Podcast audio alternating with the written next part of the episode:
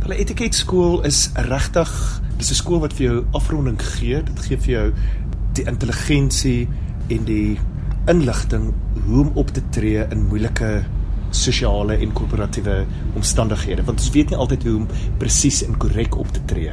'n Mens dink baie keer jy moet op 'n sekere manier optree en 'n etiketskool gaan vir jou leer en gaan vir jou die selfvertroue gee om korrek op te tree in moeilike situasies.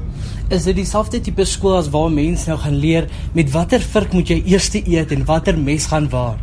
Absoluut dit dit is absoluut die dieselfde skool met 'n etiketskool begin 'n ou lank voor jy eet, hoe jy mense aanspreek, hoe jy arriveer, hoe jy aantrek, hoe jy jouself voorstel aan die mense, jou vriendelikheid en dan eers wanneer jy sit en eet. Baie van die etikette reëls het so verander en aangepas. So is dit nog 'n groot behoefte wat mense het? Definitief, omdat dit aangepas het. Ek meen dis die jaar 2017 en ek sê gereeld vir my klasse, miskien in die Victoriaanse era het ons tee en koffie gedrink met ons pinkie in die lug maar dit is die jaar 2017. So ons drink tee en koffie heeltemal anders nou. Dis absoluut 100% aanvaarbaar om 'n koppie koffie uit 'n beker te drink. So ja, en ook as gevolg van artificial intelligence en met digitale kommunikasie word etiket en protokol nog meer belangrik want dit bring mense nader aan mekaar. Die oomblik soos wat ek en jy nou sit en gesels daar is nie 'n e-pos daar's nie digitale uh, media teenwoordig op die oomblik nie. Ons gesels met mekaar. So ons etiket en ons protokol wat ons gebruik is meer belangrik as ooit tevore oogkontak. Hoe lank kyk ons mekaar in die oë? Ek kan jou nie 100% in die oë kyk nie want jy gaan sê, "Wow, wow, koes, dis nou genoeg. Gee my so 'n bietjie spasie." So watter tipe vaardighede kort mense dan?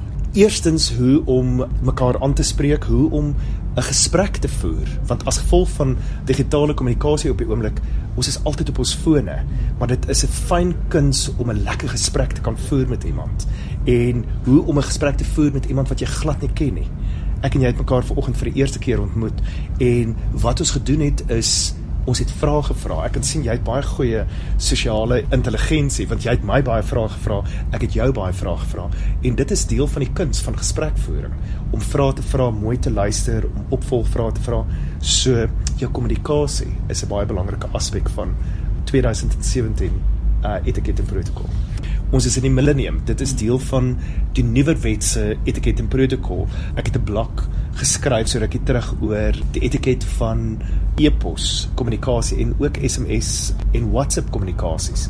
So mense moenie vra hallo, hoe gaan dit? want mense het nie meer tyd om dit te lees nie. Jy kry 3-400 e-posse per dag.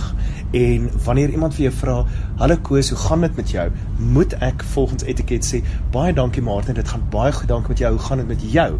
En dan moet jy weer teruggaan. So dis gaan backwards and forwards, backwards and forwards. So 'n ou moet ook daai intelligensie om te sê ons kommunikeer met mekaar, maar ons sê net die nodigste. Ek het vir jou vanoggend byvoorbeeld 'n SMS gestuur net om te bevestig en jy het perfek geantwoord om te sê 100% 11 uur is aan. Is dit dan aanvaarbaar om in 'n professionele omgewing dan 'n WhatsApp te stuur? Absoluut. Ek gebruik WhatsApp boodskappe op 'n daaglikse basis. Daar is ook 'n etiket daar rondom. Moenie afkortings gebruik nie. Sit 'n punt na 'n sin. Begin 'n sin met 'n hoofletter, maar hou dit kort en kragtig. Suiwer taal. So absoluut, daar word 'n vooruitskatting gedoen dat oor 10 jaar van nou af gaan ons nie eers meer e-mails gebruik nie. So dit gaan alles via ons telefone gebeur.